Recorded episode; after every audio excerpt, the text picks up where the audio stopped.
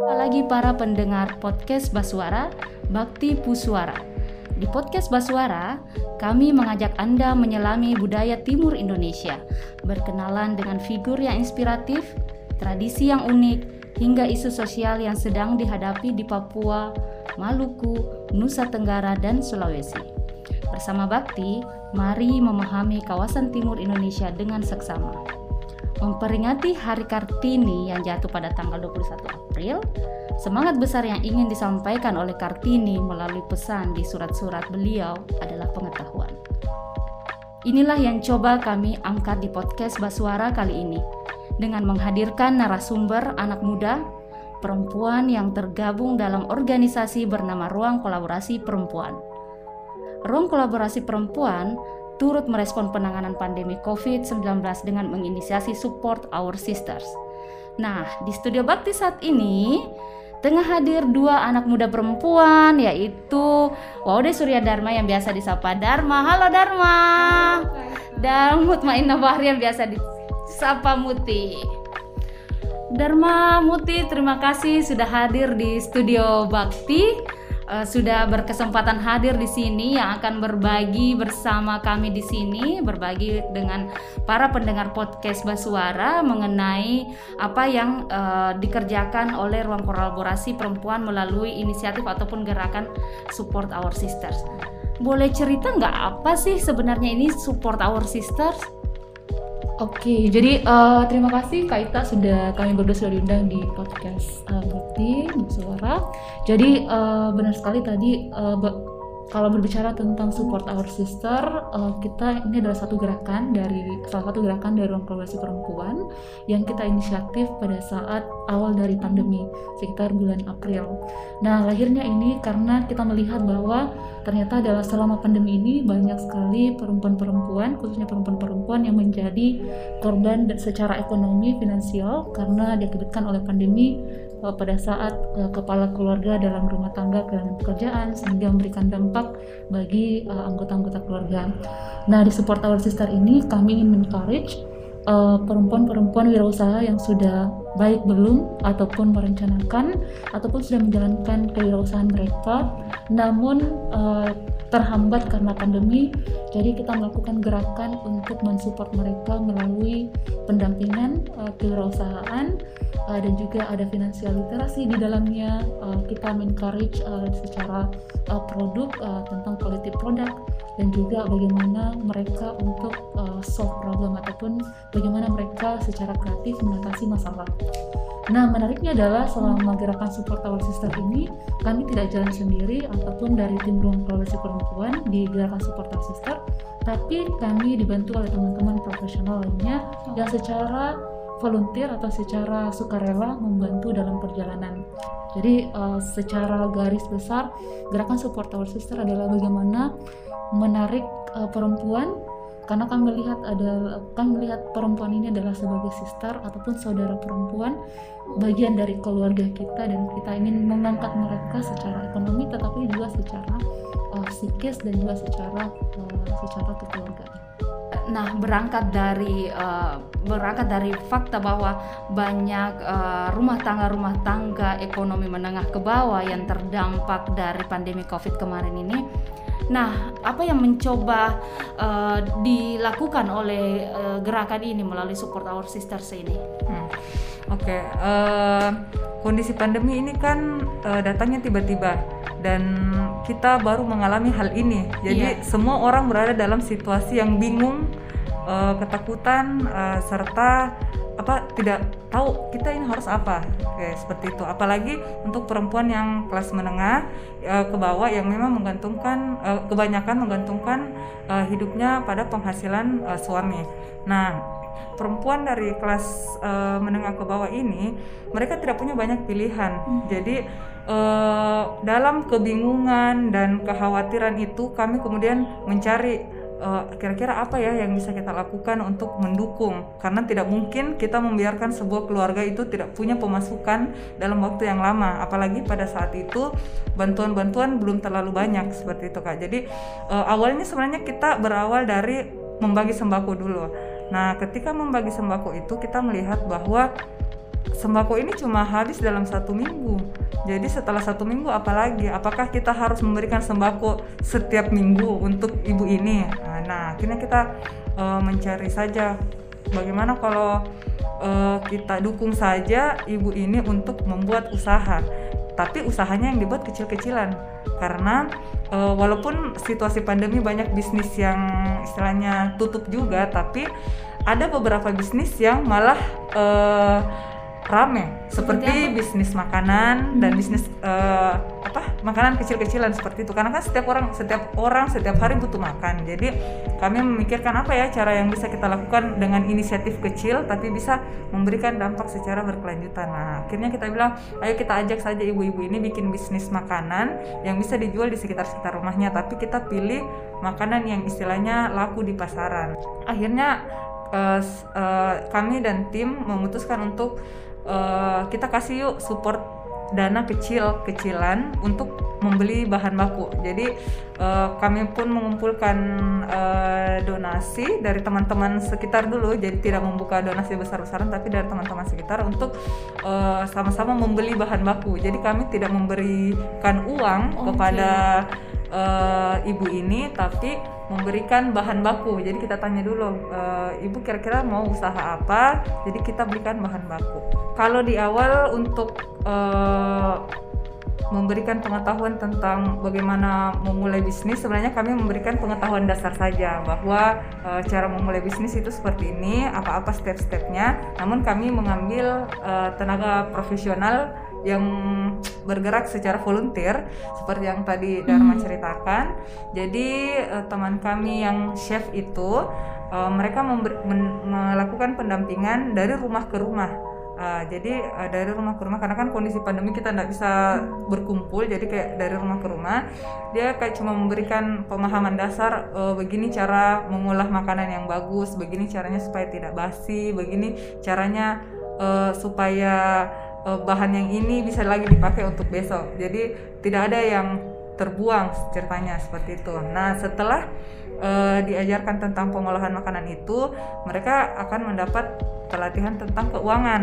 Hmm. Uh, dan pelatihan tentang keuangan ini uh, diberikan oleh salah satu teman kami juga yang dosen akuntansi. Jadi dia memberikan pengetahuan sederhana. Jadi tidak yang bagaimana cara mengatur apa mengatur apa tidak. Jadi hanya kayak bagaimana cara uh, menghitung harga uh, produk bagaimana cara uh, mengatur keuangan usaha untuk tidak menggabung dengan keuangan pribadi uh, dan melakukan pencatatan secara rutin. Itu saja. Jadi kayak kita tidak membuat hal-hal besar tapi hal-hal kecil yang justru malah bermanfaat uh, untuk mereka yang sebelumnya malah tidak pernah mencoba hal ini. Jadi di sini yang kami lihat adalah gimana mindset mereka berubah ketika mendapatkan support atau dampingan.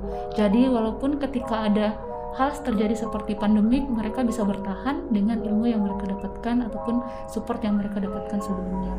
Dan syukurnya uh, sekarang kita bekerjasama seperti yang dikatakan oleh Mukti uh, dari kita bisa.com uh, ada namanya iftar sister karena sekarang lagi bulan puasa, yeah. bulan Ramadan jadi ada program yang kita kerjasamakan namanya Interop Sister dan itu dijalankan selama 14 hari.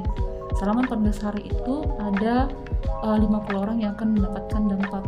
Nah, uh, secara tidak langsung 50 orang yang mendapatkan dampak mereka mendapatkan support dalam bentuk makanan, tetapi uh, proses dari pembuatan makanan ini kami memberikan kesempatan kepada ibu-ibu yang ada dalam impian kami untuk memasak, mengolah, jadi secara tidak langsung mereka juga mendapatkan uh, profit secara ekonomi. Jadi uh, dari hulu ke hilir uh, hal bagaimana perempuan berbuat sesuatu untuk perempuan. perempuan ya. Yeah. Dan yang menarik adalah lima orang pertama yang mendap yang istilahnya bisnisnya jalan itu mereka ternyata mengajak lagi orang di sekitarnya untuk membantu dalam usahanya. Uh, yang tercipta kemudian adalah uh, multiplier effect yang betul-betul lebih, ya. lebih luas. Jadi ya. hanya bermodal 50 ribu kemudian mengajak orang, membantu orang lagi, lagi lagi lain lagi. Jadi itu yang ingin kami perlihatkan bahwa untuk uh, mensupport atau untuk memberdayakan perempuan itu tidak tidak butuh uh, banyak dana dan tidak butuh uh, apa ya tidak butuh tidak harus kayak kita punya kemampuan apa kemampuan apa tapi cukup memberikan saja mereka kesempatan untuk memikirkan apa sih yang bisa dilakukan untuk hidupnya begitu karena sering kali karena kalau kita sering memberikan bantuan bantuan bantuan Iya. itu akan membuat mereka tidak bisa lagi berpikir apa yang harus saya lakukan saya untuk hidup saya apa yang bisa saya Iya. lakukan dengan potensi yang saya miliki dengan potensi ya. yang saya miliki dan kita bisa lihat juga eh, dari beberapa kali wawancara dengan ibu ini ketika kami menanyakan eh, ibu eh, bagaimana eh, ke depannya dia bilang kadang-kadang mereka bilang perempuan dibuat tidak berdaya itu mereka menjadi tidak maksimal dalam menjelas- menjelaskan eh, kesehariannya. Padahal sebenarnya mereka punya potensi. Misalnya ibu yang membuat burasa itu, dia kan tahu bagaimana membuat burasa yang bagus, yang bisa bertahan, tapi karena setiap selalu dikasih bantuan kayak sembako dari orang-orang, jadi akhirnya dia tidak merasa dia bisa melakukan sesuatu, which is tidak masalah memberikan sembako dan lain-lain, tapi alangkah baiknya jika dukungan yang diberikan itu membuat mereka berpikir apa yang bisa dilakukan untuk hidupnya. Seperti itu. Membantu mereka mencari jalan keluar atas permasalahan yang ada di hidupnya.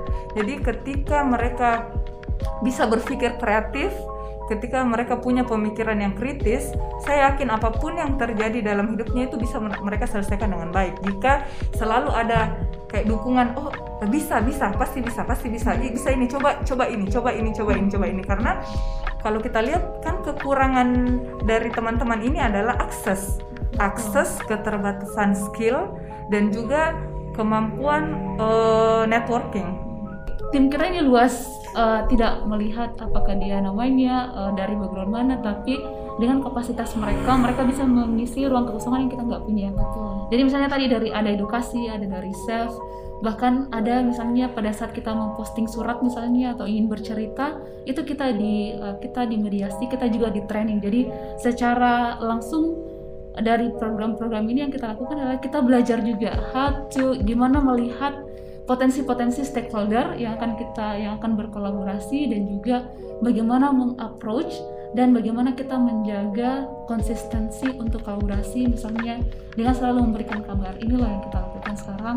Nah, ini yang akan kami lakukan ini mimpi-mimpi yang akan kami lakukan. Ini tantangan-tantangan yang kami Iya. hadapi. Apa eh, yang ingin dilakukan oleh kolaborasi ke depannya untuk eh, lebih me- me- membantu konsistensi dari program ini. Apakah ada program-program baru yang akan dikembangkan atau mungkin akan eh, berkolaborasi rencana-rencana kolaborasi ke depannya? Kalau kita sih sebenarnya mimpi, mimpi adalah membuat sebuah uh, co-learning space. Jadi kayak sebuah hub di mana perempuan-perempuan itu bisa berkumpul, sharing dan berdiskusi bersama uh, untuk uh, meningkatkan kapasitas dan skill. Jadi selama ini kan model yang dilakukan adalah dari rumah ke rumah seperti itu. Jadi kayak dari perkumpulan-perkumpulan tapi untuk membuatnya konsisten itu kita perlu memang satu tempat di mana mereka bisa berkumpul bersama, belajar bersama uh, untuk meningkatkan kapasitasnya. Jadi itu itu apa mimpi kami ke depan membuat sebuah uh, ruang kreatif lah untuk perempuan.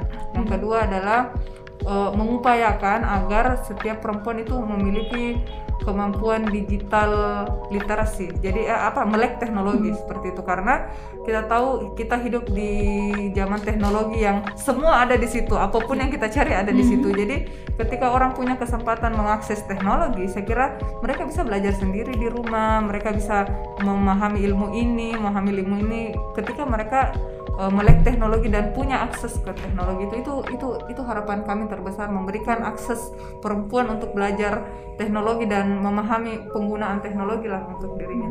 Ada mungkin Dan? Kalau saya, em, ini mungkin basic dari background kita berdua, di mana kita belajar dan banyak hal yang kita peroleh. Terus satunya dari YCLI, Youth Southeast Asia Leadership Initiative. Jadi eh, kami mendapatkan banyak sekali apa, ruang belajar yang di sana, dan ini kita mau aplikasikan salah satunya tadi di Women Lab ataupun ruang kolaboratif kreatif itu. Dan kita lihat eh, juga di ruang kolaborasi perempuan, eh, kami mungkin akan, kami juga akan merambah bagaimana perempuan-perempuan ini dirangkul tetapi nanti akan bersifat inklusif. Jadi mungkin ada perempuan yang belum mendengar kata ruang kolaborasi, ruang kolaborasi perempuan atau support tower sister, mereka bisa terangkul dengan itu. Misalnya kaum disabilitas, misalnya yang uh, belum pernah kita belum pernah bekerja sama dan itu yang akan kita rangkul dalam program-program di uh, support tower sister maupun di ruang kolaborasi perempuan ini. Iya. dan rencananya ini juga sih apa mau kita mau buat sebuah program eh, program mentoring di mana kita akan mengajak beberapa eh, rekan-rekan profesional untuk memberikan pendampingan tapi secara reguler untuk topik-topik eh, sesuai dengan eh, kemampuan mereka. Nah, kalau misalnya teman-teman ada saudara perempuan di luar sana yang ingin berkontribusi, ingin berpartisipasi maupun ingin tahu lebih lanjut tentang ruang kolaborasi perempuan, berikut program Support Our Sisters ini bagaimana caranya? Oke, eh, jadi teman-teman bisa memfollow akun kami di Instagram maupun di Facebook yaitu @kolabperempuan. Jadi apabila teman-teman punya kegiatan perempuan juga bisa hashtag support our sister, jadi kita bisa recognize dan kita bisa share juga di Instastory. Dan teman-teman juga bisa mengakses di website kita Ruang Kolab Perempuan banyak video-video tentang kegiatan-kegiatan yang kita lakukan dan bisa berkolaborasi langsung. Wow, keren. Jadi teman-teman itu tadi Muti dengan Dharma. Jadi eh, jika ada yang tertarik lebih lanjut bisa langsung ke Instagram eh, Ru- eh, Ruang Kolaborasi. Kemudian ada juga di websitenya.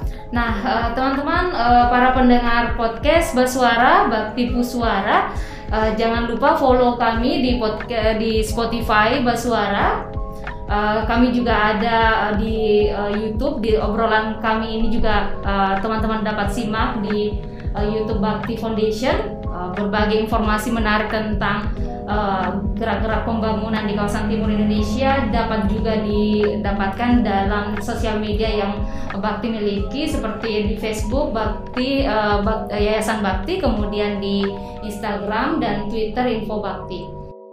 Terima kasih dan sampai bertemu di episode-episode podcast Basuara berikutnya. Salam sehat. Dah.